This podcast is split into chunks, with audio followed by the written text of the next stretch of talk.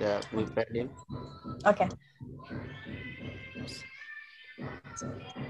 Assalamualaikum warahmatullahi wabarakatuh. Uh, selamat malam semuanya. Kembali lagi kita ke Sunday Movement Medio Visio .id. Jadi uh, kali ini kita bakalan sharing tentang metode fisioterapi dengan dolphin terapi. Jadi, nah untuk kegiatan hari ini itu kita bakalan kedatangan tamu spesial yaitu Bapak Chandra Aris dari uh, dolphin terapi Ancol gitu. Jadi uh, langsung aja kita panggilin Pak Chandranya. Oke. Okay.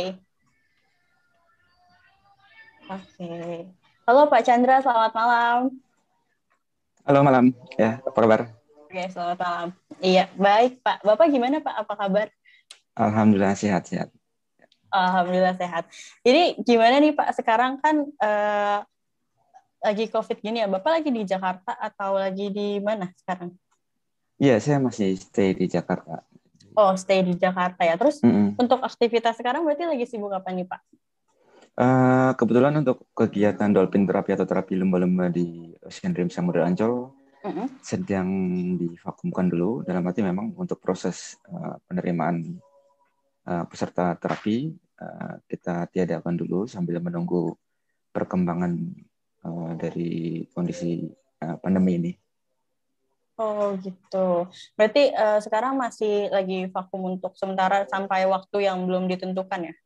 Uh, kita sudah pembahasan pada protokol yang baru untuk kegiatan dolphin terapi. Mudah-mudahan dari manajemen kemudian dari uh, petugas atau satgas COVID di Ancol sendiri bisa segera merampungkan untuk uh, penyesuaian protokol. Jadi oh. banyak yang peserta-peserta lama juga memang uh, menunggu info kapan bisa dimulai lagi gitu. Oh gitu. Berarti sekarang lagi sibuk kegiatan apa nih Pak sambil nunggu uh, kembalinya ke uh, aktivitas uh, di dolphin terapi itu? kebetulan kita atau saya sendiri masih ada kegiatan berupa eh, visit-visit atau memang uh, penanganan uh, secara langsung kepada mm-hmm. peserta-peserta yang memang uh, tidak membutuhkan atau tidak menggunakan atau tidak uh, berhubungan dengan dolphin. Kita pakai hidroterapi. Biasanya kita visitnya di kolam renang. Oh gitu. Jadi emang uh, selain dolphin terapi, Pak Chandra juga aktif di hidroterapi ya Pak. Tapi itu emang spesifik uh, untuk betul. anak untuk anak-anak aja Pak, untuk anak-anak berkebutuhan khusus saja atau selain pediatri juga? Uh, kalau untuk hidroterapi uh, menyeluruh sih. Uh, jadi bukan hanya di anak-anak berkebutuhan khusus, ada kondisi yang memang uh, pasca stroke atau memang gangguan muskuloskeletal. Oh, seperti itu. Oke, okay, oke. Okay. Terus uh, sebenarnya nih ya Pak, uh, ber, apa berbicara tentang dolphin terapi ini. Dolphin terapi itu kan suatu uh, metode ya Pak. Dolphin therapy itu metode hmm. fisioterapi ya masuknya ya. Nah, ini kan sebenarnya masih uh, belum banyak dibahas sama uh, di dalam fisioterapi sendiri itu kan. Jadi masih banyak banget nih teman-teman fisioterapi yang ternyata belum tahu tentang metode uh, dolphin ini gitu kan. Kemarin kita sempat ngakuin voting di Instagram Media Visio hmm. dan ternyata memang hampir 90 80 90% persen itu belum pada tahu seputar uh, apa namanya uh, dolphin terapi ini. Jadi emang sangat-sangat awam gitu. Boleh nggak sih? Uh, benar hmm. Pak Chandra nih kan kebetulan ada Pak Chandra di sini yang berpengalaman sebagai terapi dolphin gitu kan terapi anak-anak gitu. Uh, sharing sedikit nih gimana sih peran fisioterapi dalam menggunakan terapi dolphin sendiri itu? Jadi kalau dolphin terapi atau terapi lembah-lembahan itu sifatnya kegiatan yang bersifat edukasi ya edukasi kepada individu atau anak-anak berkebutuhan khusus dengan didampingi lumba-lumba. Memang kegiatannya akan disesuaikan dengan kebutuhan. Proses fisioterapi di mana ada asesmen, kemudian uh, diagnose, kemudian plan intervensi tetap kita lakukan. Jadi memang kita uh, segmen segmenkan ke uh, jenis peserta. Jadi ada peserta pediatrik, berarti kita lihat ke komponen dasarnya dulu. Kemudian uh, kenapa dolphin atau kenapa bisa dolphin? Jadi sebenarnya dolphin terapi sudah berkembang sekitar 50 tahun sebelumnya ya. Jadi memang kita bukan yang pertama di dunia bukan, tapi memang pertama di Asia. Dolphin terapi sendiri itu berdiri sejak 2005. Ya, 2005 di Ocean Dream Samudra Ancol. Itu pendirinya ada namanya kompartemen fisioterapi. itu kompartemen terapi itu uh, di dalamnya ada senior-senior kita kan. Jadi uh, mereka angkatan 99 kemudian membentuk satu uh, organisasi di dalamnya ada pengembangan uh, potensi dari klinik tumbuh kembang. Salah satunya yang terbentuk adalah Dolphin Ancol ini. Kompartemen bekerja, bekerja sama dengan uh, Ancol untuk uh, menyediakan terapi untuk anak-anak berkebutuhan khusus awalnya. Seiring waktu kita berkembang, kemudian kita uh, ekspansi ke bukan hanya untuk anak-anak berkebutuhan khusus, tapi juga untuk yang dewasa. Jadi prosesnya dolphin terapi ini kolaborasi antara hidroterapi dan proses fisioterapi itu sendiri. Jadi ada bagian-bagian memang bisa kita tangani termasuk dari batasan uh, job desk dari fisioterapi itu kita terapkan. Nanti kalau untuk kegiatan muskuloskeletal latihannya persis nggak ada yang menyumbang kegiatan lain, tapi beda dengan kondisi di mana kita menangani anak-anak keberuntungan khusus. Uh, kondisinya kan kompleks. Kita ambil salah satu contoh misalkan autism autism ini kondisinya kompleks bukan cuma hanya ke keter uh, hanya gangguan fisik saja tapi kompleks ya. Jadi ada terlambatan bicara, ada gangguan perilaku, ada gangguan yang lain. Cuma kalau untuk anak uh, kondisi pediatri yang lain misalkan cerebral palsy atau Down syndrome yang ada hubungan dengan gangguan uh, fisik kita bisa datangi langsung, kita bisa terapkan proses fisioterapi secara langsung. Jadi awalnya seperti itu. Jadi memang kita kita profesor terapi bisa masuk atau bisa terjun langsung ke dolphin terapi ini. Jadi memang sebenarnya uh, kolaborasi atau memang uh, kita mix gitu. Hmm, gitu. Tapi berarti untuk dolphin terapi sendiri itu pendekatannya lebih banyak ke neuromuskular ya Pak dibanding muskuloskeletal atau kasus uh, cedera olahraga atau apa gitu? Ya, lebih ke arah sana. Karena memang banyak latihan yang menggunakan uh, metode-metode yang berhubungan dengan bagaimana koordinasi itu terjaga, terjaga dengan baik gitu. Jadi kalau memang bukan gangguan atau kondisi yang pure dari muskuloskeletal ya lebih ke neurologis. Oh gitu. Tapi saya sedikit penasaran nih Pak. Sebenarnya kenapa sih maksudnya apa perannya si dolphin itu terhadap uh, ketika kita ngelakuin terapi nih kan kita ngelakuin terapi biasa udah ada intervensi nih dari fisioterapi udah ada metodenya terus uh, ditambahin dengan metode dolphin gitu kan terus uh, perannya si dolphin sendiri dalam penyembuhan pasien entah itu pasien pediatri atau yang tadi bapak bilang sendiri muskuloskeletal itu bagaimana pak? Oke, okay, jadi di si dolphin ini kenapa dolphin kenapa enggak uh, kuda kenapa enggak ya. yang lain gitu ya? Iya betul. Tadi ada pertanyaan kenapa nggak paus orca gitu. iya. Sebenarnya gini, uh, sehubungan dengan uh, dolphin itu uh-huh. ditangani oleh siapa, kita bisa bahas satu persatu. Jadi memang Ancol adalah lembaga konservasi, konservasi yang memang mempunyai peran untuk menjaga dan mengembangbiakan uh, satwa yang masuk ke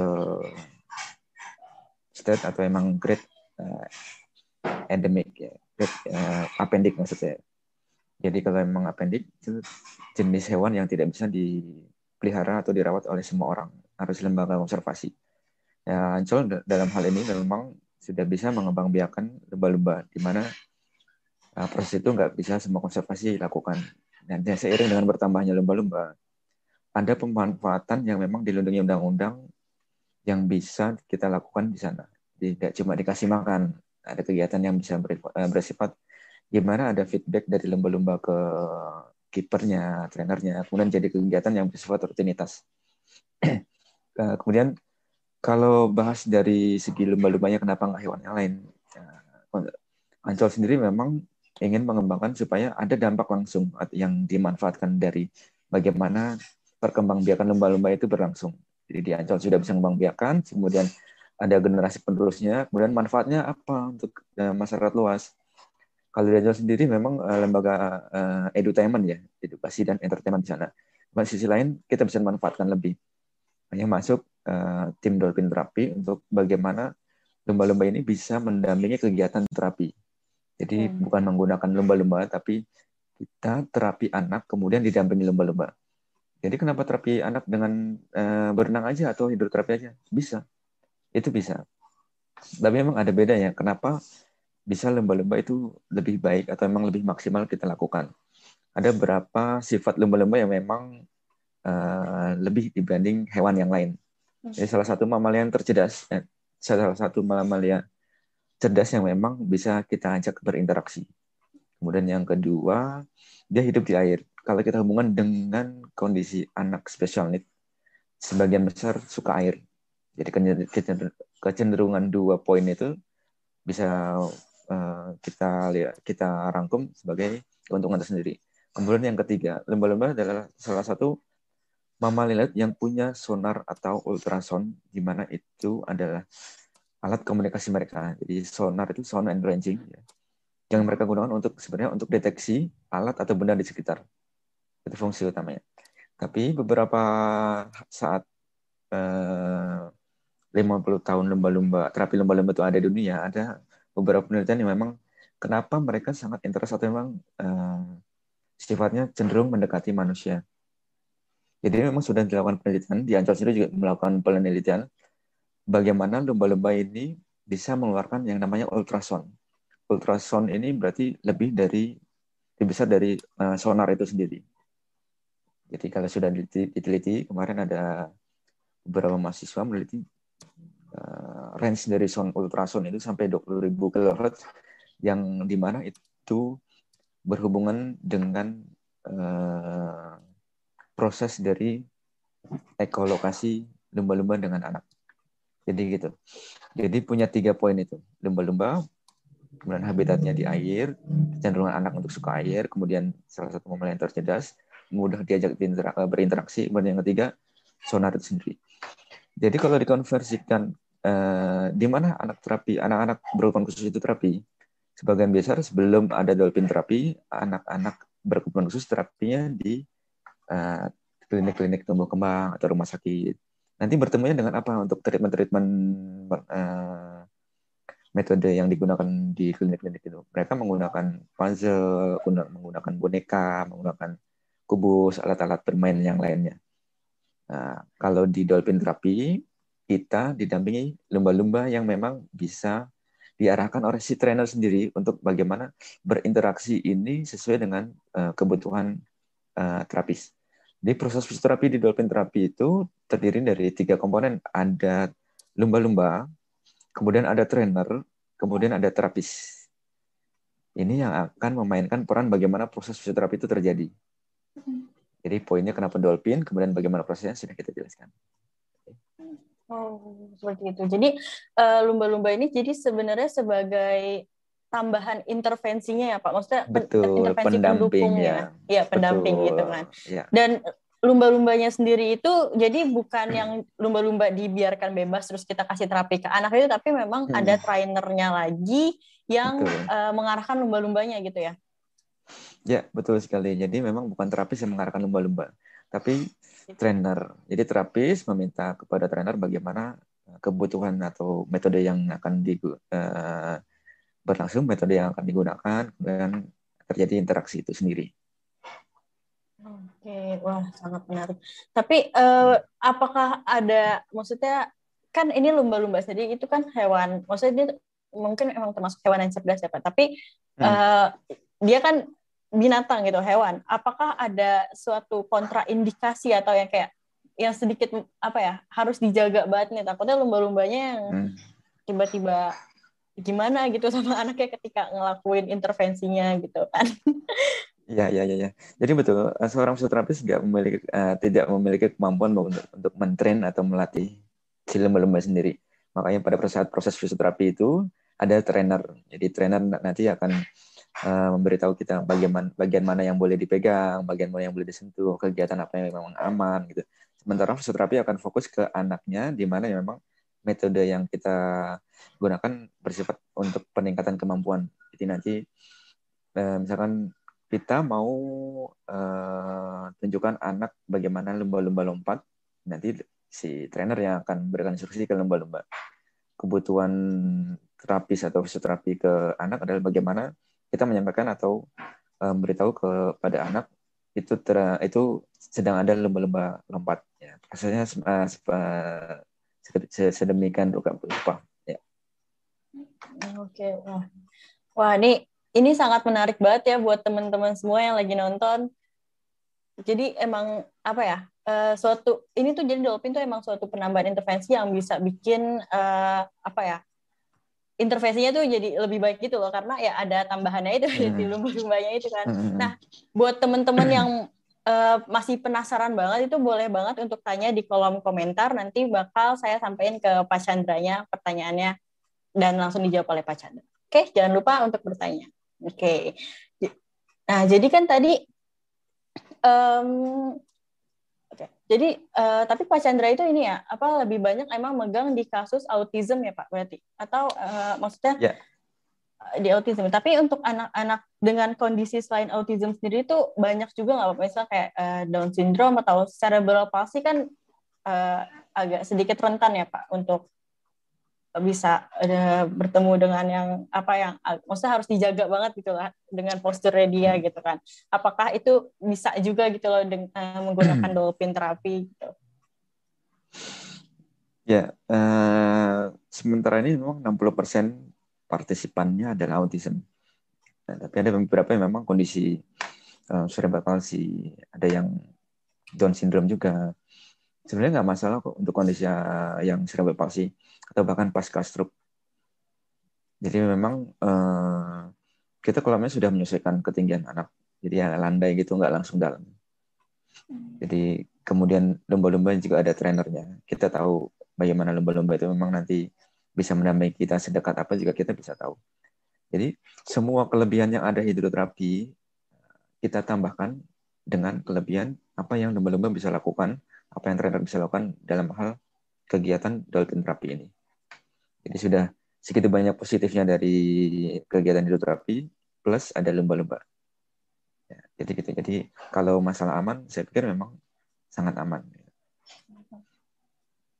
Tapi uh, saya tuh pernah dengar kalau nggak salah itu mm-hmm. uh, tentang metode dolphin ini yang ada anaknya itu di jadi di dikasihnya itu bukan di kolam tapi di laut gitu pak itu benar ya hmm. maksudnya dolphin terapi ada yang memang dilakukannya langsung di laut baru lumba-lumbanya atau gimana kalau di laut kita nggak bisa ini ya karena mereka memang uh, lahir dan besar di laut kalau yang di ocean dan samudra sudah 80% memang lahir dan tumbuh berkembang di dalam ocean di dalam ocean uh, di samudra jadi kecenderungan untuk senang berinteraksi atau bisa berinteraksi dengan orang itu cukup tinggi. Kalau di laut saya pikir agak sulit ya.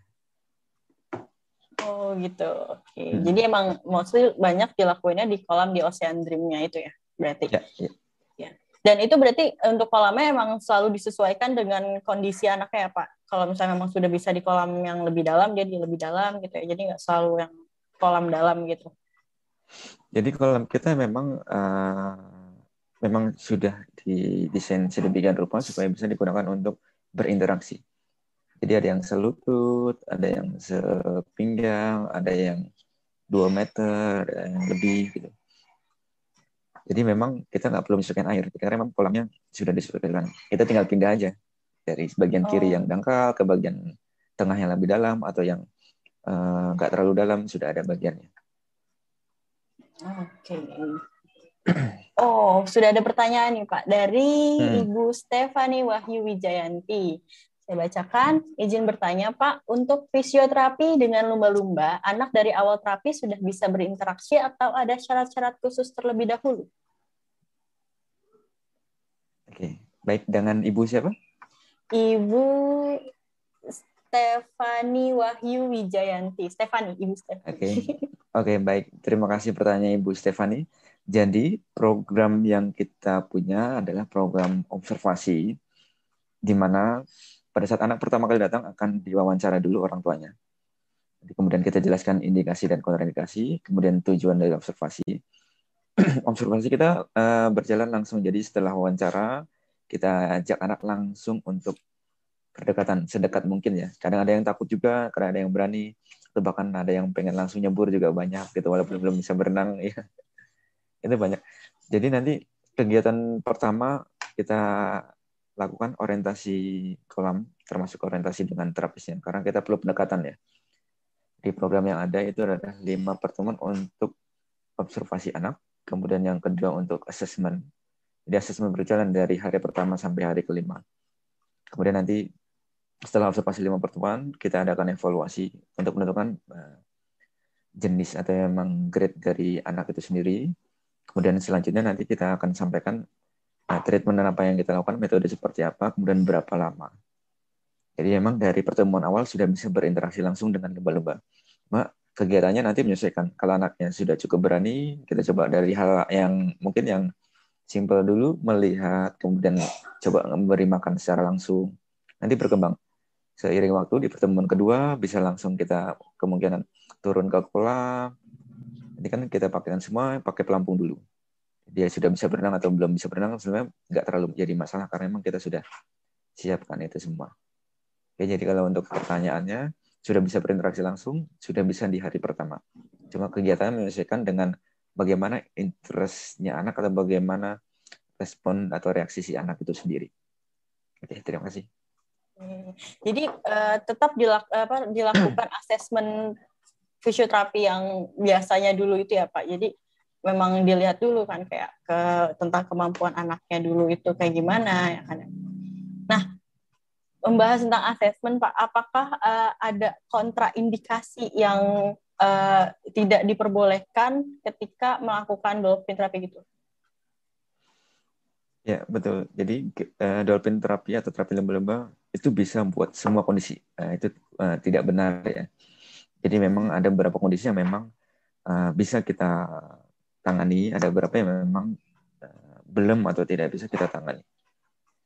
Uh, sehubungan dengan itu, yang harus diperhatikan bagaimana indikasi dan kontraindikasi kita sesuaikan dengan kegiatan yang bersifat uh, fisik. Jadi kalau mau berenang, ada beberapa anak yang memang tidak boleh atau tidak bisa berenang. Poinnya di situ ya. Jadi misalkan ada dia ada epilepsi, ada gangguan jantung, kemudian ada sifatnya memang uh, tidak bisa aktivitas fisik berat, itu kita sesuaikan kegiatannya dan memang kita sampaikan itu belum bisa kita uh, tangani. Jadi memang uh, kegiatan kita bersifat fisik atau memang uh, cukup melelahkan dengan kondisi berenang. Jadi nanti kita sampaikan secara langsung. Hmm. Seperti itu ya. Hmm, terima kasih Pak jawabannya. Ada pertanyaan lainnya lagi Pak dari uh, akun anak Bunda Visio. ini hmm. izin bertanya, apakah ini berpengaruh juga dengan psikologi pasien pada anak berkebutuhan khusus? Ya, sebenarnya kalau pengaruhnya bagaimanapun prosesnya, kita arahkan supaya anak lebih mudah berkomunikasi ya. Jadi secara psikologi, kegiatan dolphin terapi sifatnya edukasi, kemudian bagaimana itu ada uh, entertainmentnya. Jadi nggak yang uh, kaku gitu loh. Kita diam nggak. Itu fun. Kita bermain di sana. Kita bermain. Bermain didampingi lumba-lumba jadi dihubungkan dengan sonar itu sendiri. Sonar itu alat komunikasi. Tapi kalau ultrasound ultrasound memang sudah banyak penelitian yang menyampaikan bahwa bagaimana ultrasound terjadi kemudian berkontak langsung dengan si uh, manusia. Itu ada terjadi proses ekolokasi namanya. Setelah proses ekolokasi terjadi, respon atau reaksi dari orang atau eh, peserta di dalamnya akan lebih mudah mengeluarkan hormon endorfin. Kita tahu sendiri bahwa hormon endorfin adalah hormon yang bisa membuat orang lebih nyaman, lebih tenang. Eh, dari sosial psikologi, di mana orang yang lebih tenang atau lebih nyaman melakukan kegiatan itu akan lebih mudah diajak berkomunikasi. Proses atau flow-nya seperti itu ya. Jadi secara psikologi, anak yang misalkan hyperaktif atau hipoaktif, kita bawa ke posisi di mana dia lebih tenang atau lebih nyaman. Ya. Flow-nya seperti itu kira-kira. Baik, terima kasih Pak. Uh, terus uh, yang saya mau tanyakan lagi nih Pak, sebenarnya tadi berpengaruh dengan uh, apa ada psikologis pada pasiennya sendiri. Kalau hmm. misalnya dalam fisioterapi sendiri untuk mekanismenya itu mekanisme uh, dalam terapinya itu gimana ya Pak? Dari tadi asesmen gitu nanti ketika setelah di asesmen ketika melakukan intervensi ke pasiennya itu mekanismenya uh, seperti apa Pak? Jadi kalau untuk metode fisioterapi secara langsung yang kita gunakan sebenarnya pengembangan dari bagaimana semaksimal mungkin kita bisa mengembangkan kemampuan anak dalam hal berkomunikasi, berperilaku, kemudian uh, kemampuan dalam hal uh, peningkatan kemampuan fisik jadi misalkan kita ambil contoh case yang memang muskuloskeletal di bidang uh, palsy ya. Uh, kondisi di mana anak memang sudah turun ke kolam kemudian lebih lebih rileks di mana di situ ada lumba-lumba kita jadikan sebuah reward bagi si anak yang memang ada kecenderungan sulit untuk uh, berkomunikasi atau berdiri atau seperti apa pun itu jadi kalau dia sudah hmm, kita sampaikan bahwa dia cenderung pengen bermain. Oke, okay, berarti dia suka sudah suka ya sama lumba-lumba. Hmm. Oke, okay, kamu harus lakukan sesuatu dulu untuk bisa berinteraksi dengan lumba-lumba. Contohnya simpelnya seperti itu ya. Jadi nggak selalu bermain, tapi di sana ada edukasi. Kalau kita sampaikan uh, di beberapa kondisi, misalkan kita pengen anak berkonsentrasi untuk bisa mengikuti instruksi. Nah, dengan dengan catatan anak-anak special need atau autism punya kelemahan dalam hal uh, atensi ya, sulit untuk memperhatikan sesuatu. Biasanya kita arahkan dengan kegiatan eh, lomba-lomba yang cukup atraktif. Jadi nanti kita hubungan dengan trainer yang bisa uh, menggunakan triknya atau menggunakan instruksinya supaya lomba-lomba bisa menari, mungkin kemudian bisa melompat, tepuk ekor atau yang lain-lain. Dari kegiatan itu akan terjadi uh, proses komunikasi yang bisa menekan kemampuan. Jadi setelah terjadi uh, salah satu contoh misalkan lomba-lomba tepuk ekor, kita lihat bagaimana atensi anak. Sebagian besar anak akan melihat karena proses lomba-lomba tepuk ekor menari itu jarang dilihat sama mereka. Jadi mm-hmm. mendistract atau memang uh, mengambil perhatian si anak itu sendiri. Proses atensi itu kita catat seberapa lama dia bisa memperhatikan itu atau cuma melihat sebentar dan uh, acuh lagi gitu. Jadi kita buat rule bagaimana lumba-lumba itu mengambil alih perhatian si anak, kemudian kita kasih frame di sana. Kasih frame berarti kita kasih time. Jadi kau coba lihat, itu lumba-lumba sedang lompat. Ya, kita kasih instruksi, itu sedang lompat. Tepuk ekor, kita kasih time, itu tepuk ekor. Nanti setelah itu kita tanya bagaimana respon dia, ingat tidak memorinya seperti apa. Jadi secara kompleks seperti itu. Oke, kira-kira seperti okay. itu. Wah, kegiatannya sangat menarik ya Pak. Uh, mungkin dari Pak Chandra ada yang mau ditunjukkan pakai mungkin ada video atau foto gitu biar teman-teman tuh ngelihat gitu gimana sih sebenarnya selama mm, proses terapi itu. Gitu. Mm-hmm.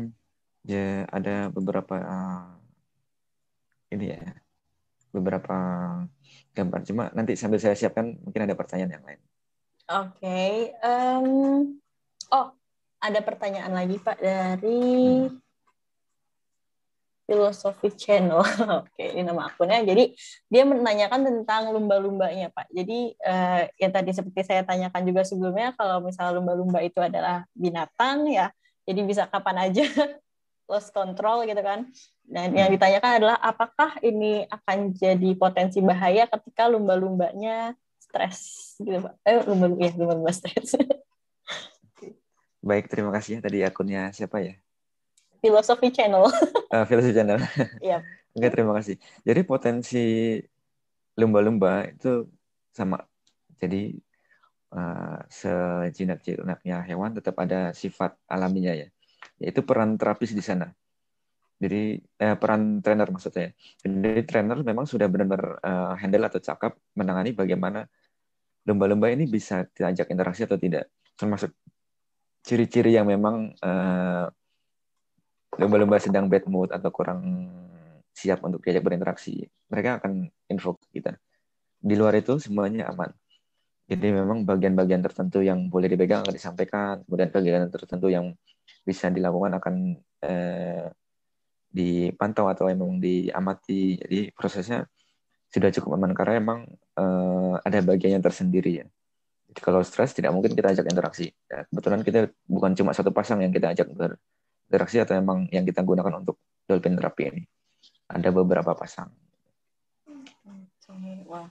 Jadi memang tadi karena uh, saat melakukan metode do, eh, saat melakukan terapi dolphin ini sendiri ada tiga orang yang terlibat ya ada lumba-lumbanya, trainer dan terapisnya sendiri. Jadi uh, lumba-lumbanya ini memang sudah dihandle langsung oleh si trainernya. Hmm. Jadi uh, buka, uh, buka istilahnya bukan urusan si terapisnya untuk mengurusi lumba-lumba itu ya Pak. Jadi si fisioterapis ini memang fokus di anaknya dan si trainer fokus di lumba-lumbanya seperti itu ya Pak. Oke. Okay. Iya, saya ada share sudah bisa di sudah muncul belum ya? Ya, sudah muncul, Pak. Iya. Uh, jadi ini kan masa pandemi ya, kita ada beberapa kondisi yang harus menyesuaikan uh, dari kegiatan dolphin hidroterapi ini. Udah hmm. kebetulan kita di ada di Ocean Rim Samudra dan Seawood Ancol. Uh, jadi ini kegiatan dolphin terapi sifatnya adalah edukasi kepada individu umum atau yang berkebutuhan khusus. Hmm. Ya, sudah muncul kan? Ya, sudah Pak, sudah muncul. Bisa terlihat. Uh, di Ocean Team Samudra kita ada beberapa kegiatan ya, bukan cuma dolphin terapi. Nah, jadi kalau di sini ada swim with dolphin, ini umum, bukan untuk uh, anak-anak bulan khusus atau bukan untuk kondisi-kondisi yang ditangani fisioterapi. Jadi memang semua usia bisa melakukan kegiatan ini. Kalau dulu bebas semua boleh dipegang pada saat dolphin terapi uh, pasca pandemi ini atau memang pada saat pandemi ini ada berapa yang harus disesuaikan. Jadi mereka tidak boleh menyentuh atau memegang bagian di blowhole atau dekat hidung atau uh, moncong lembu-lembu itu sendiri karena dekat dengan alat pernafasannya. Di pada saat mereka berenang boleh pegang di bagian sirip punggung bawah atau bagian dorsal atau sirip atas. Kalau mau berdekatan harus tetap menggunakan masker seperti itu. Di kegiatan dua ada cuma atau kegiatan yang lain ada feeding the dolphin atau kasih makan lumba-lumba, ada diving dolphin atau menyelang bersama lumba-lumba atau atau hanya dengan uh, foto saja juga ada. Jadi semua kegiatan yang sebelumnya kita lakukan itu bebas pegang seluruh bagian pada saat pandemi atau uh, protokol yang baru itu nggak semua bagian boleh dipegang. Jadi harus disesuaikan ya. Ya emang uh, sebenarnya kalau kita lihat dari prosesnya, ini semua bisa kita sesuaikan. Jadi proses dolphin terapi, kemudian bagaimana sonar itu bekerja, justru tidak terjadi di luar kolam. Itu terjadinya di kolam, karena sonar atau ultrasound itu perantaranya ada air. Jadi cukup aman. Dengan lumba-lumba tanpa bersentuhan pun kita bisa merasakan atau sonar uh, proses ekolokasi itu ter terjadi ya. Nah, jadi bagaimana dolphin drop itu secara maksimal tetap bisa uh, terjadi prosesnya. Oke, yang selanjutnya, jadi uh, visualisasinya seperti ini ya. Kalau di dalam air semua bagian boleh dipegang, semua bagian boleh dipegang. Kenapa? Karena air ini sudah pakai disinfektan, di mana disinfektan yang aman untuk anak atau peserta itu sudah ada standar secara nasional. Ya, nanti kita ada standar yang memang bisa digunakan untuk kolam renang umum dan kolam renang yang uh, bisa digunakan untuk dolphin terapi. Uh, jadi prosesnya seperti itu. Oke. Kemudian bagaimana protokol kesehatan yang dikeluarkan dari Departemen Kesehatan untuk kegiatan ber, uh, berenang itu sendiri. Jadi sudah ada kegiatan yang memang disepakati atau memang dikeluarkan dari Departemen Kesehatan untuk berapa jenis eh, atau bagaimana penanganan eh, air itu bisa dilakukan, kemudian eh, aman untuk pada aman untuk kondisi pandemik ini. Oke, okay. oke, okay. ini dari WHO sudah membuat statement bahwa apakah bisa terjangkit uh, virus corona pada saat berenang? Saya jawab bahwa aman jika berenang di kolam renang yang terjaga kebersihannya, kemudian mengandung uh, klorin dengan batasan yang sudah disepakati atau dinyatakan aman untuk uh, kondisi uh, orang berenang itu sendiri. Oke, yang seterusnya kemudian dia ada program untuk dolphin terapi. Oke. Mungkin itu aja nanti ada beberapa slide foto yang mau disampaikan. Mungkin kalau ada yang mau tanya lah. Oke. Oh ini Pak, ada pertanyaan. Sebetulnya ada pertanyaan karena melihat hmm. CV Pak Chandra. Jadi ada pertanyaan dari uh, Muhammad Sawal dia tanya di mana ya Pak ada pendidikan child psychology yang bisa diambil mungkin Pak okay. Chandra bisa Iya, uh, saya ambil manajemen uh, autism uh, di Linguistic Council ya. Dulu namanya Linguistic Council, sekarang CAE, ya, College Allied Educator. Itu base-nya course cuma disesuaikan dengan uh, kebutuhan uh, jumlah mata pelajaran atau mata kuliah yang diambil. Jadi nanti bisa dibuka di uh, College Allied Educator di Inggris cuma buka kelas di Singapura, Indonesia. Jadi memang saya concern untuk bagaimana hmm, bisa mempelajari saya psikologi, psikologi anak. Kemudian di situ ada manajemen uh, manajemen uh, anak-anak berkebutuhan khusus. Jadi uh, di pelajaran itu nanti kita bisa um, tahu beberapa metode yang memang nggak ada di fisioterapi. Tapi bisa kita gunakan bagaimana kita kembangkan fisioterapi itu dengan metode-metode yang ada di kondisi ada di bagian di psikologi anak. Tetap ada batasannya, tetap uh, ada batasannya. Tapi paling nggak kita tahu bagaimana seorang anak autis bukan cuma gangguan fisik yang dia punya ya, ada gangguan-gangguan yang lain memang harus kita pahami. Ada metode-metode yang bisa kita lakukan. Uh, salah satu contoh ini ada namanya ABA, Applied Behavior Analysis. Itu adalah metode uh, terapi perilaku ya sebenarnya nggak ada hak paten itu siapa yang harus pakai tapi seorang fisioterapi bisa menggunakan untuk bag, uh, menggunakan itu untuk menangani anak bagaimana uh, menjadikan sebuah metode yang bisa diaplikasikan diaplikasikan di setiap terapi gitu ya. Kalau kita belajar di fisioterapi kita nggak dapat itu, tapi kalau kita belajar di uh, dunia psikologi kita bisa dapatkan itu.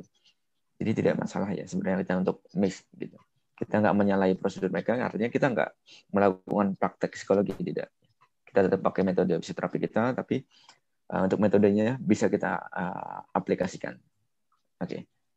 terima kasih sudah bertanya kira-kira ada uh, yang boleh tadi uh, ini pak saya sebenarnya tertarik ketika pak Chandra uh, bilang tentang ABA kebetulan saya juga uh, pernah ngobrol sama teman-teman saya yang dari psikologis dan saya memang tertarik hmm. banget sama si ABA tersendiri itu kan. Nah, uh, untuk ABA sendiri kalau misalnya di dalam fisioterapi terutama yang sekarang uh, Pak Chandra lagi lakukan itu kan di dolphin terapi ya untuk hydro atau mm -hmm. dolphin terapi gitu.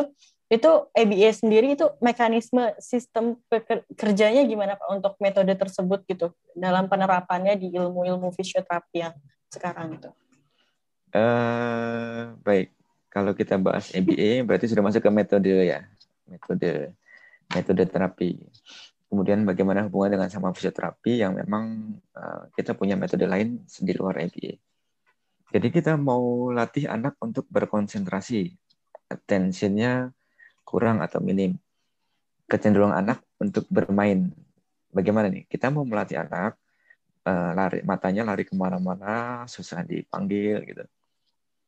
Ini fisioterapi tugasnya untuk bagaimana anak lebih fokus ya kita pakai beberapa uh, kegiatan supaya memang anak bisa lebih fokus. Kita akan lebih mudah kalau pakai uh, eh, ABA ini sendiri atau emang penerapan terapi perilaku. Di mana kan ABA base-nya adalah ABC ya. Jadi ada tendency, behavior, consequence. Ya, di situ uh, cukup jelas bagaimana anak akan berperilaku kemudian akan ada konsekuensi jadi kegiatan berinteraksi di lomba-lomba yang cenderung akan seperti bermain akan jadi tujuan utama anak-anak itu sendiri. Oke, kita tarik lagi, kita akan main setelah lakukan kegiatan 1, 2, 3, dan sebagainya. Kira-kira seperti itu. Oke, jadi selain dengan metode tadi dolphin itu, sebenarnya yang bagian dari terapi lumba-lumba juga play terapi itu masuk ya Pak berarti? Karena terapi bermain. Betul, betul. betul. Okay, wow. Ya, memang terapi bermain di sini. Jadi kalau ya jadi kalau saya sebutkan MBA bukan cuma MBA aja ya. Jadi uh, ada beberapa kecenderungan kalau dari metode kan uh, orang tua pengen saya nggak mau pakai IBA, saya mau pakai floor time. Oke, tidak masalah. Karena emang nggak bisa di mix antara IBA dengan floor time. Hmm, oke, oke. Oke, kira-kira ada yang lain lagi? Oke, okay, sangat menarik. Uh, sebenarnya ini pertanyaan ini pertanyaan dari saya sih Pak karena mendengar dari tadi cerita Pak Chandra ini saya tertarik banget untuk uh, ya bertanya ini sih sebenarnya uh, hmm.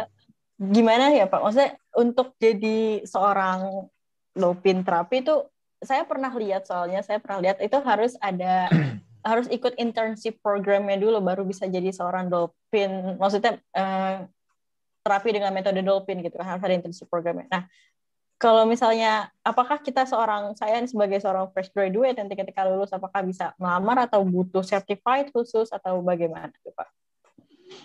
Sebenarnya sih enggak. Semua fisioterapi bisa masuk.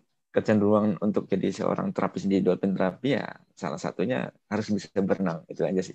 Kalau yang lain sama kayak tempat klinik-klinik tumbuh kembang ya. Ya humble terus memang harus uh, bisa menyesuaikan diri dengan anak, bisa mengatasi uh, anak dengan kondisi-kondisi tertentu. Mungkin seperti itu aja. Kalau yang certified uh, di bidang dolphin terapi enggak, cuma di dalam beberapa kegiatan tadi ada uh, artinya ada poin plus di mana misalkan punya uh, dive license itu punya nilai plus nanti karena ada beberapa anak spesialis kita yang sudah bisa menyelam dengan scuba dive tools.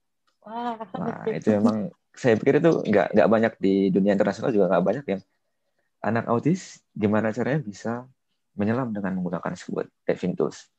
Ya, uh, kebetulan saya sendiri punya, jadi saya sudah bisa mendampingi ya. Jadi bukan tren. Kalau tren ada ada dive expert.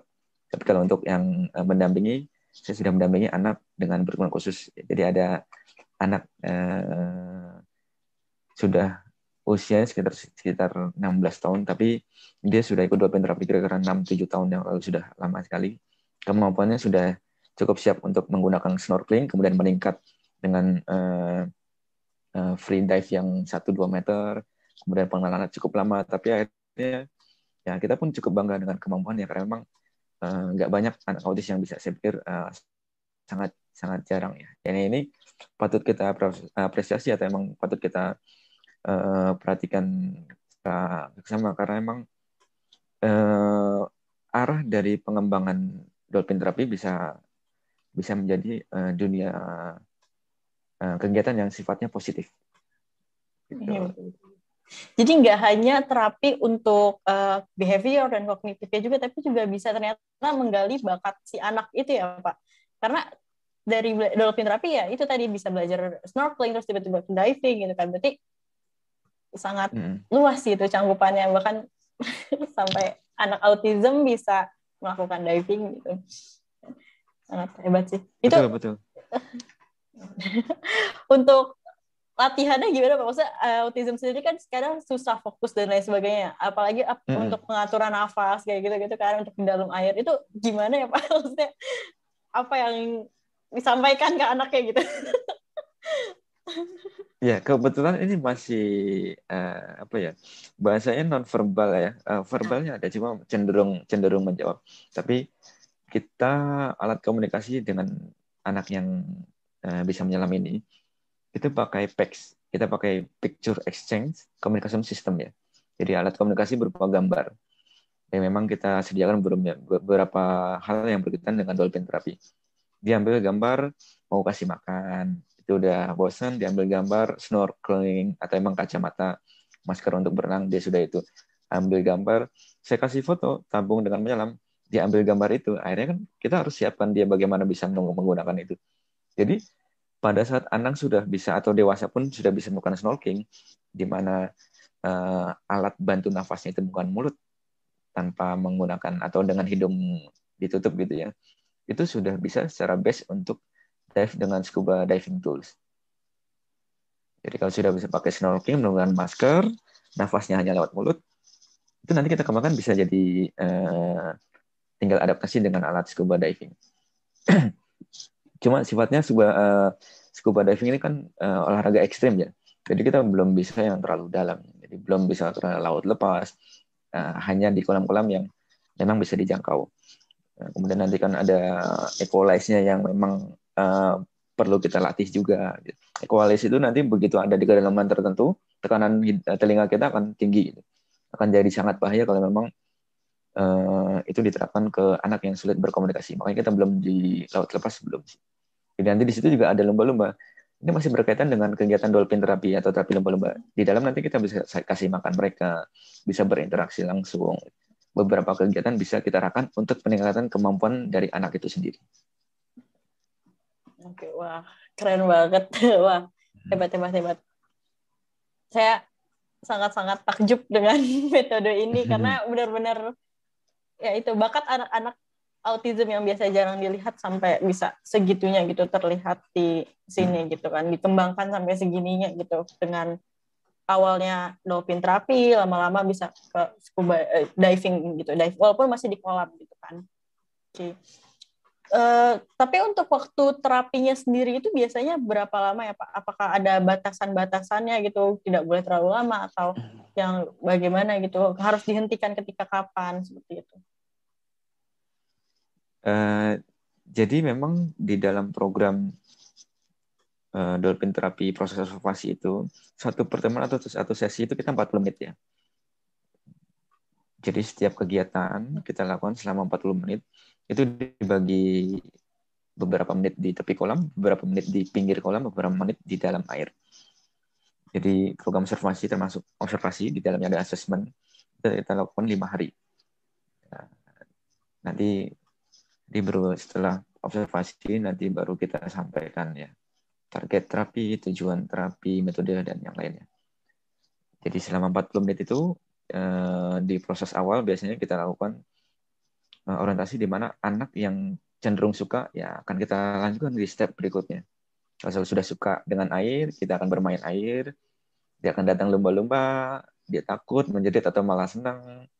Kalau sudah sudah senang, dia masuk lagi step berikutnya, masuk ke dalam kolam yang cukup dalam, kita pakai pelampung. Karena mau nggak mau kita harus menyesuaikan habitat lumba-lumba. Jadi lumba-lumba juga nggak nggak selalu bisa dekat ke kita ya. Jadi kita menyesuaikan dengan habitatnya. Kemudian eh, di sesi berikutnya atau di pertemuan kedua ya kita lihat dari perkembangan sesi pertama kemarin ya. Tapi setiap sesi kita lakukan di 40 menit. Oke, berarti di 40 menit ya. Nah, eh, tadi kan dari itu kan ada pengenalan dulu terhadap lumba-lumba ya, Pak. Kalau misalnya ketika datang terus ada anak yang uh, tantrum. Anak autism kan dikenal sering tantrum hmm. gitu. Itu gimana hmm. Pak? Apakah tetap bisa dilakukan terapi atau harus stop dulu atau bagaimana? Jadi anak boleh atau bisa berinteraksi setelah mereka bisa mengontrol dirinya. Jadi anak pada saat tantrum, uh, eh, self stimulate, lepas kendali atau bagaimanapun itu, kita nggak arahkan untuk berinteraksi langsung dengan lumba-lumba. Tapi kecenderungan anak untuk tantrum di dalam air itu minim ya, sepengalaman saya atau pengetahuan saya, begitu mereka merasa nyaman di dalam air, itu uh, tantrumnya akan berkurang, reduce atau menurun dengan sendirinya. Karena di dalam air ini salah satu kelebihan bukan cuma di dolphin terapi, di terapi juga uh, air dunia yang berbeda dengan keseharian kita. Kita di sana di sana beberapa respon atau rangsang akan terjadi di badan kita ya. Kemudian di sana ada perubahan center of gravitasi yang di mana anak harus uh, menegakkan tubuh ya butuh konsentrasi yang lebih pada saat di dalam air. Makanya uh, kita simpulkan memang hidroterapi, hidroterapi sudah baik sekali untuk anak-anak khusus, tapi dengan lumba-lumba akan semakin baik. Jadi nanti setelah dia reduce baru bisa berinteraksi dengan lumba-lumba itu sendiri. Jadi kalau sudah uh, tenang baru kita ajak interaksi. Jadi nggak saling membahayakan gitu. Oke. Terkait pertanyaan yang tadi juga nih Pak, apakah ada fase-fase pada kasus khususnya di pediatri ya Pak yang membuat metode ini tuh pendekatan fisioterapinya itu berbeda gitu Pak? Fase-fase. Uh, fase-fase khusus untuk setiap pendekatan. Jadi gini, kalau di anak-anak spesialis ya, uh, kita anggap semua itu mirip tapi punya karakter yang berbeda. Jadi setiap anak akan kita berikan namanya IP, ya, Individual Educational Program. Jadi programnya secara individu, masing-masing. Jadi setiap anak kita nggak akan buat program yang sama. Nah, jadi per anak programnya akan berbeda. Fasenya pun menyesuaikan ya, fase tingkatannya. Jadi pada saat anak bisa kita ajak berinteraksi di tepi kolam, uh, butuh waktu satu dua pertemuan. Ada yang lima pertemuan kita harus uh, beradaptasi dengan tepi kolam dulu, belum masuk ke air ada juga. Jadi fase akan meningkat dengan sendirinya sesuai dengan uh, respon dan reaksi anak itu sendiri. Di mana anak sudah naik grade atau memang fasenya naik sudah bisa berinteraksi, sudah bisa berenang dengan nyaman, ya nanti akan menyesuaikan ya program apa atau target apa yang akan diberikan. Oke. Okay. Terima kasih. Uh, nah, nih ada pertanyaan lagi dari pengalaman Pak Chandra sendiri. Ada nggak sih kendala yang dirasain tuh kayaknya berat banget gitu. Terus tantangannya apa sih ketika uh, pakai metode ini? Apalagi kan ini pertama kali ya, maksudnya benar-benar masih jarang. Waktu itu Pak Chandra sendiri pertama kali pegang langsung yang, maksudnya dibuat di Indonesia yang dari kasus hmm. apa klinik tumbuh kembang itu. Itu ada nggak sih kayak tantangannya pertama kali itu gimana? dan kendala-kendala yang dirasain? Ya, kita flashback lagi tadi. Jadi memang dolphin terapi uh, Ancol khususnya memang pertama ada di Indonesia atau bahkan di Asia Tenggara. Ya, kita harus berterima kasih sekali kepada kompartemen terapi. Di situ di dalamnya banyak ada beberapa senior-senior kita. Ya.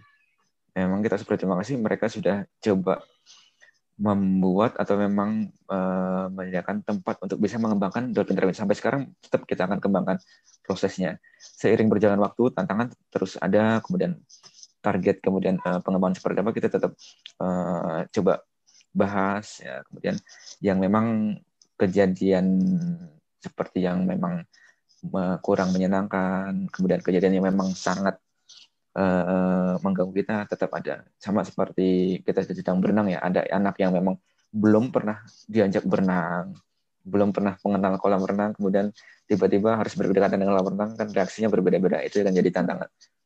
Jadi, tapi tetap di pertemuan awal kita akan ajak orang tuanya yang memang biasa berkomunikasi secara intens dengan mereka karena kita terapis juga baru kenal, belum bisa berkomunikasi intens dengan mereka. Jadi nanti orang tuanya akan mendampingi. Jadi itu tantangannya seperti itu kita lihat setiap anak special need itu uh, punya karakter sama ciri yang beda-beda ya. Jadi masing-masing ketemu.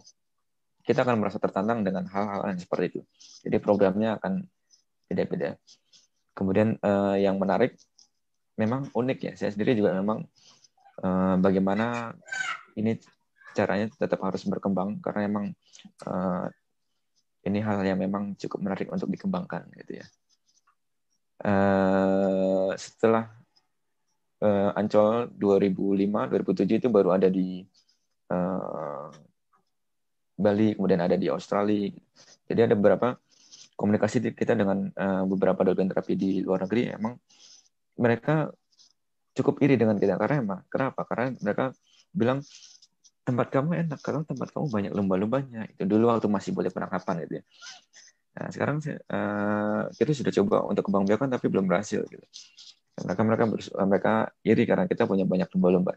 Nah, sekarang sudah tidak ada penangkapan lagi, kita sudah bisa kembang biakan dan potensinya cukup baik karena setahun kita bisa lahirkan 3 sampai 4 ekor lumba-lumba di Ocean Dream Samudra. Wah, keren keren keren. Hmm. Eh, hebat hebat keren keren. Berarti memang ya karena ini masih sedikit, maksudnya masih memang di Asia, berarti total dolphin apa namanya terapi dengan metode dolphin sendiri ini masih tadi di yang di Samudra Ancol terus Bali dan Australia aja maksudnya di luar negeri pun baru ada di Australia aja Ah, uh, enggak enggak. Maksudnya oh, yang enggak. dekat di Asia nya. oh, yang dekat. Oke. Hmm. Kalau okay. dolphin terapi di Indonesia sementara yang sebelum pandemi ini terjadi ya yang masih bisa ber, uh, beroperasi atau masih buka itu di Dolphin Terapi Ancol dan Dolphin Terapi Safari, Taman Safari Bogor. Oh, Taman Safari Bogor. Nah, cuma, cuma karena ada pandemi kita belum siap buka. Cuma uh, kemungkinan manajemen akan melihat bagaimana seberapa antusias atau seberapa uh, banyak yang memang membutuhkan dolphin terapi ini. Makanya uh, kita bisa support dengan uh, ke manajemen Ancol dengan mengirim pesan langsung atau uh, seperti memang uh, kita butuh terapi lemba-lemba. Memang itu yang diinginkan dari manajemen untuk melihat seberapa besar uh, antusias atau keinginan dari para peserta sebelumnya dan calon peserta berikutnya. Oke. Terus kalau dari Bang Chandra sendiri, apa sih harapannya untuk uh, dolphin terapi ini untuk ke depannya di Indonesia gitu? Ya, uh, balik lagi ke fisioterapi yang biasanya memang pure fisioterapi. Ya. STR saya juga di bagian terapi, bukan di psikologi, bukan di terapi bicara. Saya pengen uh, ini dibukukan jadi sebuah metode yang memang bisa diterapkan di dunia fisioterapi. Jadi bukan cuma di Ancol aja, tapi nanti ada panduannya, ada langkah-langkahnya, kemudian ada uh, kerangka berpikirnya supaya jadi sebuah metode. Uh, secara teknis kita atau saya sendiri sudah kumpulkan, cuma memang uh, next step bagaimana caranya, uh, caranya nih dolphin therapy jadi sebuah metode yang memang bisa diakui di dunia fisioterapi itu sendiri. Karena sementara uh, kita masih mix beberapa hal yang memang di luar fisioterapi, tapi digabungkan dengan metode yang ada di fisioterapi. Itu harapan saya. Kemudian terapi lumba-lumba adalah hal yang memang cukup menguntungkan bagi semua pihak ya termasuk dari peserta itu sendiri, dari terapis, dari dunia perkembangan uh, penanganan kebutuhan anak khusus. Jadi kalau kalau saya harapannya tetap ada berkembang dan kalau bisa memang uh, terukur gitu. Oke, pertanyaan terakhir nih Pak sebelum kita tutup karena nggak kerasa banget tiba-tiba udah udah hampir satu jam kita ngobrol. Oh iya iya. Oke, pertanyaan terakhir itu, oh, ya, oke. Oke, buat Pak Chandra ada gak sih harapan untuk ke depannya nih kan kita live bareng dari uh, Media Visio ID ya. Uh, hmm. Ada gak sih harapan dari Pak Chandra untuk Media Visio tuh untuk ke depannya bagaimana? Oke, okay, kalau Media Visio saya pikir bagus ya karena emang seperti dolphin terapi kan terus terang belum banyak fisioterapi juga yang tahu belum banyak tadi bilang sampai 80 persen ya memang harus dikembangkan dengan bagaimana bisa menampilkan atau menanyakan metode-metode yang memang sebenarnya bisa ditangani fisioterapi. Sebenarnya kalau kita bisa ada SI yang memang itu siapa sih yang nangani fisioterapi atau bukan ya? Nanti kita lihat bagaimana SI itu berkembang itu juga bisa. Kemudian nanti kalau memang sudah buka kembali atau bagaimana itu dolphin terapi sudah bisa beroperasi. Jadi coba kita bisa live di tepi kolam atau pada saat proses uh, terapi itu sendiri. Nanti pasti seru melihat secara langsung. Wah, amin. Untuk ke depannya semoga kita bisa collab lagi ya Pak ya. Oke, okay, oke. Okay. Oke, amin. Oke, karena sudah di penghujung acara, uh, saya mau mengucapkan sangat terima kasih kepada Pak Chandra karena telah hmm. meluangkan waktunya hari ini untuk sharing-sharing bareng Media Visio. Uh, terima kasih Pak Chandra. Oke, terima kasih. Ya. Iya. Oke. Untuk kata-kata terakhir buat teman-teman, uh, jangan lupa untuk terus ikutin Media Visio dengan cara follow Instagram Media Visio di mediavisio.id, Facebook mediavisio.id, dan uh, YouTube kita juga Media Visio Official. Jangan lupa di subscribe, terus like setiap video-video kita dan sharing uh, ke teman-teman kalian kalau Media Visio ini ada akun YouTube yang benar-benar sangat mengedukasi sejawat fisioterapi. Oke, okay. uh, eh, untuk kata penutup dari saya, sekian terima kasih uh, untuk semua teman-teman yang sudah menonton.